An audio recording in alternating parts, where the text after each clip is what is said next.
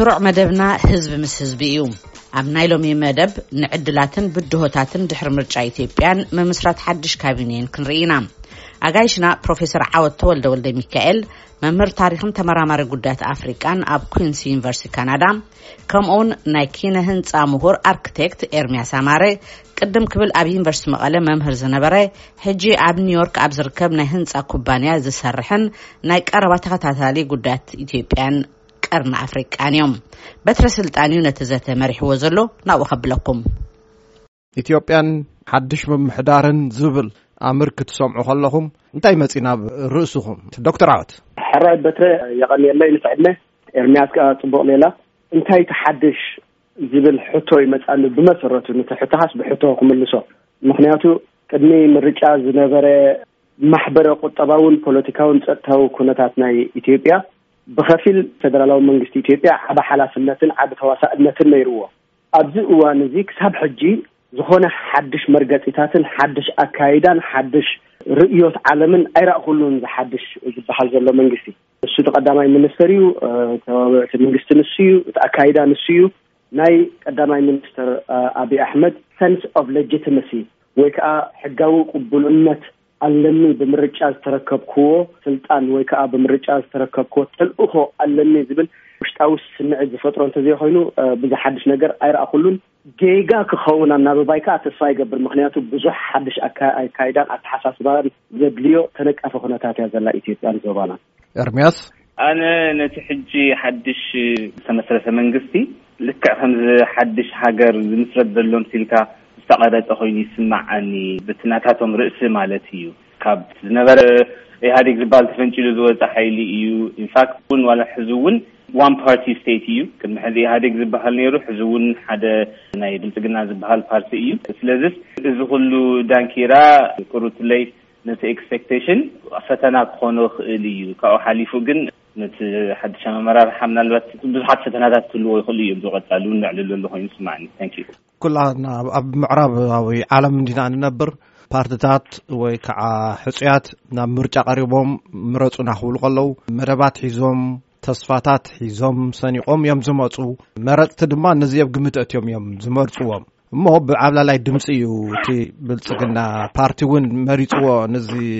ሓድሽ ምምሕዳር እዚ ቀዳማይ ሚኒስትር ዝመርሕዎ ማለት እዩ ከም ተዓዘብቲ ኣብ ተስፋታትን ኣብ ትፅቢትን ኣማእኪልኩም ማለት እየ እዚ ሓድሽ ምምሕዳር እዚ ኣብ ቅድሚት ጥቕስ ኣቢልካ ኣለኻ ኤርምያስ ካባኻ እውን ክቕፅለላ ደልዮ እየ እንታይ እዮም እቶም ብድሆታት ወይ ከዓ ቻለንጅስ ነዚ ቀዳማይ ሚኒስትር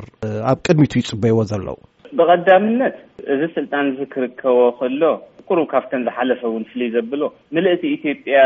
ኣብ ትሕቲ ሓደ መንግስቲ ዘይኮነሉ ኩነታት እዩ ተረኪብዎ ዘሎ። ስለዚ ደፍኒትሊ ናይ ፒስን ስታቢሊቲ ሓደ ዓብዪ ዕማም እዩ ዝኸውን። ካልኣይ በቲ ኲናት እውን ቅድሚኡ እውን ብዝነበረ ሓጎፅጎፅ ብፍላይ ዝሓለፈ ሰለስተ ዓመት ዝደቐቐ ኢኮኖሚ እውን ሕዚ እውን ብኲናት ተወሲኽዎ ንዕኡ እውን እንዳተኣከበ ዝመፀ ናይ ስራሕ ስእነት እውን ግዛዕ ክህሉ እዩ። ስለዚ እዚ እውን ቀሊል ቻለንጅ ኣይኾኖን። ሳልሳይ ድማ ዲፕሎማቲካሊ ምስ ናይ ደገ ዓለም ብፍላይ ምስ ወስተርነርስ ዘለዎ ርክብ እንዳኸፈአ ኣብ ዝኸደሉ ግዜ ምናልባት ሙሉእ መሊኡ እንተተበጢሱ ክቢድ ሓደጋ ክወድቕ ስለ ዝኽእል ንሱ እውን ብቕልጡፍ ተኣሽሙ ዝገብረሉ መንገዲ ዝእልሸሉ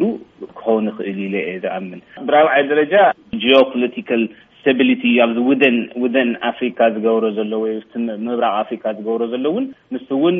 በይኑ ንበይኑ ጥራይ ዝኸዶ ስእሊ ከይኮነስ ኤረትራ ሱዳን ኢጅብት ምስ ኩለን ሓዊሱ ምስኣን ዝገብሮ ቀጻላይ ምሕዝነት እውን ከም መበራብዓይ ፈተና ኢለ ክሪኦ ይኽእል እየ ዶክተር ዓወት ካብ ብድሆታት ካብ ኤርምያስ ዝጠቐሶም ወፃኢ ኣለውዶ እወ እንታይ ፕላትፎርም እዩ ኣቕሪቡ ብልፅግና ሰልፊ ወይ እዚ መንግስቲ ሲ ኣብ ምንታይ ዓይነት ናይ ምርጫ ፕላትፎርም እዩ ተመስሪቱ ንዝብል ኣገዳሲ ኣዝዩ ኣገዳሲ ሕቶ ኣሎ ንምስ ናይ ኢህኣዲግ ዝነበረ እስኒክ ፌደራሊዝም ወይ ኤትኒካዊ ፌደራሊዝም ተባሂሉ ከም ልሙድ ዝፅዋዕ ስርዓተ ምሕደራ ሃገር ኣማራፂ ንምግባር ኣብ ኤትኒክ ኣይደንቲቲ ወይ ኣብ ኤትኒካዊ መንነት ዘይተመርኮሰት ኣብ ኢትዮጵያውነት ዝተመርኮሰ ኣተሓሳስባን ገለን እዚኣ ጥራሓ ነይራ ታርእስቲ እምበር ኣብ ቁጠባ ኣብ ካልእ ማሕበረ ፖለቲካውን ዲፕሎማስያውን ዝምድናታት ኢትዮጵያ ምስ ጎረባብታ ይኹን ምስ ዓለም ዝኾነ ንፁር ፕላትፎርም ኣየቕረበን ብልፅግና መንግስቲ። ካብኡ ሓሊፍካ ግን እዚ ዩ መለለይ ብልፅግና ፓርቲ እዚ መለለይ ናይ ብልፅግና ፓርቲ ዝመስረቶ መንግስቲ ከብለካ ዝኽእል ወይ ከዓ ከም መለክዒ ነቲ ናይ ምርጫ መብፃዕታቱስ ኣተግቢርዎ ዶ ኣየተግብሮን ከብለካ ዝኽእል ንፁር ፕላትፎርም ኣይነበረን ክሳብ ሕጂ ከኣ ኣይረኣኹን ዘለኹ። ኣብ ልዕሊኡ ሕጂ እዚ ናይ ኩናትን ንሱ ዘስዓቦ ማሕበረ ቁጠባውን ቅልውላዋት ኣሎ። እቲ መንግስቲ ክገጥሞ ዝኽእልን ዘይክእልን ብቐንዱ ግን ብቐንዱ እቲ ዝዓበየ ንዚ መንግስቲ ንዚ ሓድሽ መንግስቲ ፋይኒን ዝኾነ መድረኽ እንታይ እዩ ወይ ኣርእስቲ እንታይ እዩ? እዚ ምርጫ ንዶክተር ኣቢ ማንደይት ሂብዎ ኣሎ፣ ቅቡልነትን ተልእኾን ሂብዎ ኣሎ። ልዕሊ ሰላሳ ሚልዮን ህዝቢ ዝመረጾ ሽሕ እኳ ኣብ ምሉእ ትግራይ ምርጫ ኣይነበረን። ኣብ ብዙሕ ክፋላት ናይ ካልእ ክፋል ኢትዮጵያ ምርጫ እኮ ኣይንበር እምበር ደሓን እቶም ሰላሳ ሚልዮን ዝመረፁ እስከ ማንዴት ሂቦሞ ኣለዉ ንበል ንዚ ሕጋውን ህዝባውን ተቐባልነት ቀዳማይ ሚኒስትር ኣብይ ናብ ምንታይ እዩ ከውዕሎ እዚ እቲ ወሳኒ ገላፂ ኣርእስቲ እዩ። በቲ ክሳብ ሕጂ መንግስቲ ኢትዮጵያ ኣብ ኣብ ትግራይ ጥራሕ ዘይኮነ ኣብ ካልእ ክፋላት ናይ ኢትዮጵያ ክተሎ ዝፀንሐ ወተሃደራዊ ኣካይዳ ድዩ ክኸይድ ወይ እዚ ስልጣን እዚ እዚ ተቐባልነት እዚ ተጠቒሙ ባይታ ረጊፁ ብሓይሊ ኖ ሰላም እዩ ዘዋፃፅኣና እዚ እዩ ዝሕሸና ንሕና ከም ሙሉእ ሃገር ክብል እዚ እቲ ወሳኒ ታሪካዊ መግለፂ እዩ ክኸውን ወይ ወሳኒ ሂስቶሪካል ፕሌስ ናቱ ዲፋይን ክገብሮ እዩ ኣው እንተለኻ ዶክተር ዓወት እቲን ክልተ መለለይ ናይቶም ቀዳማይ ሚኒስትር ኮይነን ዝነበራ ናብ ሽልማት እውን ዘብቅዐኦም ክልተ ነጥብታት ኣልዒለ እውን ተለካ ርእቶ ክትበላ ሓቂ እዩ ንቐፍቲ ኣለዉ እዮም ብበዝሒ እንተኾነ ሽልማት ኖቤል ዘቐበሎም ሰላም ምስ ኤርትራ ኣብቲ ውሽጢ ዓዲ እውን ከሰጋግር እየ ኢሎም ንቲ ዝነበረ ኩነታት ስለ ዝገጥእዎ ተባሂሎም ሽልማት ኖቤል ንክቕበሉ ምክንያት ኮይኑ እዩ እዘን ንክልተ ነጥብታት እዚአን ኣብዚ ምርጫ ተሸይጠን ዶ ንክሽየጣስ ባይታ ዶ ነይርዎን እቲ ህዝብስ ዓዲግዎ ዶ ዝብል ርእቶ ዶ ክትብለሉ እቲ ፕላትፎርም እቲ ናይ ምርጫ መምረፂ ፕሮግራም ኣይነበረን ዘብለኒ እኮ ንሱ እዩ ምክንያቱ ኢትዮጵያ ኣብ ድቕ ዝበለ ሓድሕዳዊ ኩናት ተሸሚማ ኣብ ዘላትሉ እዋን እዩ እዚ ምርጫ ዝተካይዱ ንሰላም ከውሕሰሉ ዝኽእል መንገዲ ከዓ ኣይፀርግን እዩ ፀኒሑ መንግስቲ ኣብቲ ምርጫ ኢንፋክት ክኣቱ እንከሎ ህዝባዊ ምልዕዓል ኣንፃር ሓይልታት ትግራይ እንዳካየደ እዩ እዚ ምርጫ እዚ ተኻይዱን ንሱ ተመሪፁን እዚ መንግስቲ እዚ ተተኺሉን። ስለዚ ባህርያዊ ምግርጫው ኣለዎ። ናይ ሰላም ዝበሃል ሓሳብን እዚ መንግስቲ እንዳኣሰጎሞ ዝተመረፀሉ መስርሕን። ካልኣይ ካብ ብዙሕ ሃንቀውታ፣ ካብ ብዙሕ ፅቡቕ ድልየት፣ ካብ ብዙሕ ናፍቖት ናይ ሰላም ብዙሓት እንኮላይ ኣነ ብጣዕሚ ብዙሕ ዘፀምበልክዎ እዋናት ነይሩ ንዚ ናይ ኤርትራን ኢትዮጵያን ሰላም። ብርግጽ ከኣ ሕጂ እውን እንተኾነ ብዙሕ ክጽምበል ዝግብኦ ነገራት ኣለዎ። እንተኾነ ግን ኣብ መሰረታዊ ትሕዝቶ ናይቲ ናይ ሰላም መስርሕ ዝበሃል ውዕል ዝበሃል የለን እንዲ ዝረኣናዮ ኣትሊስት ውዕል የለን ግን ብመሰረቱ ኣብ ዱልዱል ባይታ ዘይተሰረተ ኣብ ቅንዕናን ጽቡቕ ድሌት ናይ ሰላምን ዘይነበሮ ንቲ ኩናት ብኻልእ መልክዑ ንገለ ወገን ንኸሃርም ዝተዳለወ ዓይነት ስምምዕን ዓይነት መስርሕን እዩ ነይሩ ስለዚ እቲ ናትና ኣናብባ ኣብቲ እዋን እቲ ከም ዝበልኩኻ ሰላም ሃረርታን ናፍቆትን ጽቡቕ ድሌትን ክዝንበዕ ገይርዎ ወይ ባየስ ክኸውን ገይርዎ ድኣ እምበር ብመሰረቱ ፍሎ ድዩ ነይሩ እቲ ናይ ሰላም መስርሕ ዝበሃል ኣብ መንጎ ኤርትራን ኢትዮጵያን? ምክንያቱ ኢትዮጵያ ንርእሳ ኣብ ውሽጣ ሰላም ዘይገበረት ምስ ገዛእ ርእሳ ኢትዮጵያ ሰላም ዘይገበረት ምስ ጎረቤታ ሰላም ክትገብር ኣይትኽእልን እያ። ኤርምያስ ዝተፈለየ ነጥቢ እንተልዩኳ? ጎስኳስ ናይቲ መረፃ ካብቲ መጀመርያ ጀሚርካ ክትሪኦ ከለካ ኢቭን ንድሕሪት ተመሊሰ ናይቲ ናይ ኣብ መንጎ ኢትዮጵያን ኤርትራን ናይ ነዊሕ ዓመት ስተልሜት ዝነበረ ሽዑ ዕርቂ ገለ ክገብሩ ከለውን ዳሕራይ ምስቶም ኣብ መሬት ዝተገብሩ ነገራት ብፍላይ ድማ ኣብ ትግራይ ዝተገበረ ዲናይል እየ ዝብሉ ኣነ ዲናይል ድማ እቲ ናይ መወዳእታ ናይ ጀኖሳይድ ስቴጅ እዩ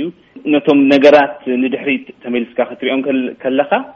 ቅንዕና ዘይነበሮን ልክዕ ናቱ ውፅኢት እውን ነቲ ዝነበረ ሓይሊ ተቃዊምካ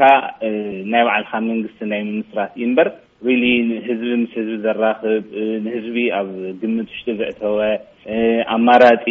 ፖሊሲን ኣይዲዮሎጂን ሒዝካ ንህዝቢ ናብ ዝቕፅል ምዕራፍ ንክትወስድ ኣይነበረን። እንዳረእናዮ እውን ንመፅእ ኣለና ኢና። ምኽንያቱም እቲ ኲናት ዳርጋ ኣብ መጀመሪኡ ዳርጋ መብዛሕትኡ ሰብ ተሰማምዕሉ power struggle ኢሉ እዩ ዳርጋ ገምጊምዎ ነይሩ። ሕዚ ግን ቅሉዕ civil war እዩ ኮይኑ ዘሎ። ሓሳባት ተሸጡ ናብ መሬት ወሪዶም ፓፕላር ኮይኖም ከም ናይ ህልውና ኣምሲሎም በቲ ክትመጽእ ከለኻ እውን ናይ ናሽናሊዝም ተኣሽሙ ተላዒሉ ንሕና ብመንነትና ኢና ንጥቃዕ ዘለና ዝብል ነገር በዚ እውን ብንዲ ዓዲ ምሓራ እውን እንታይ ዓይነት ከምዚኦም ዓይነት ተሸይጦም ኢቨን ኣብ ማእኸል ከተማ ዓዲ ዘለዎ እውን ዋላ ካብ ብልፅግና ዋላ ካብ ህወሓት ወፃእ ዝኾኑ እቲ ህብረተሰብ ነቲ ህብረተሰብ ፅቡቅ ፅዕንቶ ገይሩ ለውጢ ከምፅእ ኢልካ እትሓስቦም ሰባት ዓበይቲ ሰባት እውን እንታይ ዓይነት ሕማቃትን መርር ዘረባታት እውን ምስ ምዝራቦም ናይ ብሓቂ ነቲ ሰብ ፈላልዩስ ሓደ ሓድሽ ኣተሓሳስባ ወይ ሓድሽ ነገር ፈጢሩ ንካልእ ማርጂናላይዝ ኣብ ምግባርን ጨፍላቃይን መግለላይን ዝኾነ ስርዓት ኣብ ምስራት እዩ እምበር ካልእ ዝረኣኹሉ ነገር የለን። ዶክተር ዓወት እዚአን ክልተ ነጥብታት ትርጉሙ እንታይ እዩ ዝብል ብዙሕ ሰብ ስለ ደንግርግር ዝብሎ ዘሎ መንግስቲ ኢትዮጵያ እቲ ትግራይ ዝጀመሮ ውግእ ምኽባር ሕጊ ኢሉ እዩ ጀሚርዎ ዓመት ሙሉእ ቀፂሎ ኣሎ ማለት እዩ ክሳብ ሎሚ ካልኦት ድማ ኤርሚያስ ከይተረፈ ውግእ ሕድሕድ ዝብል ቃል ተጠቂሞ ኣሎ እሞ ኣብ መንጎ ምኽባር ሕግን ውግእ ሕድሕድን ዘሎ ኣፈላላይን ሓድነትን እንታይ እዩ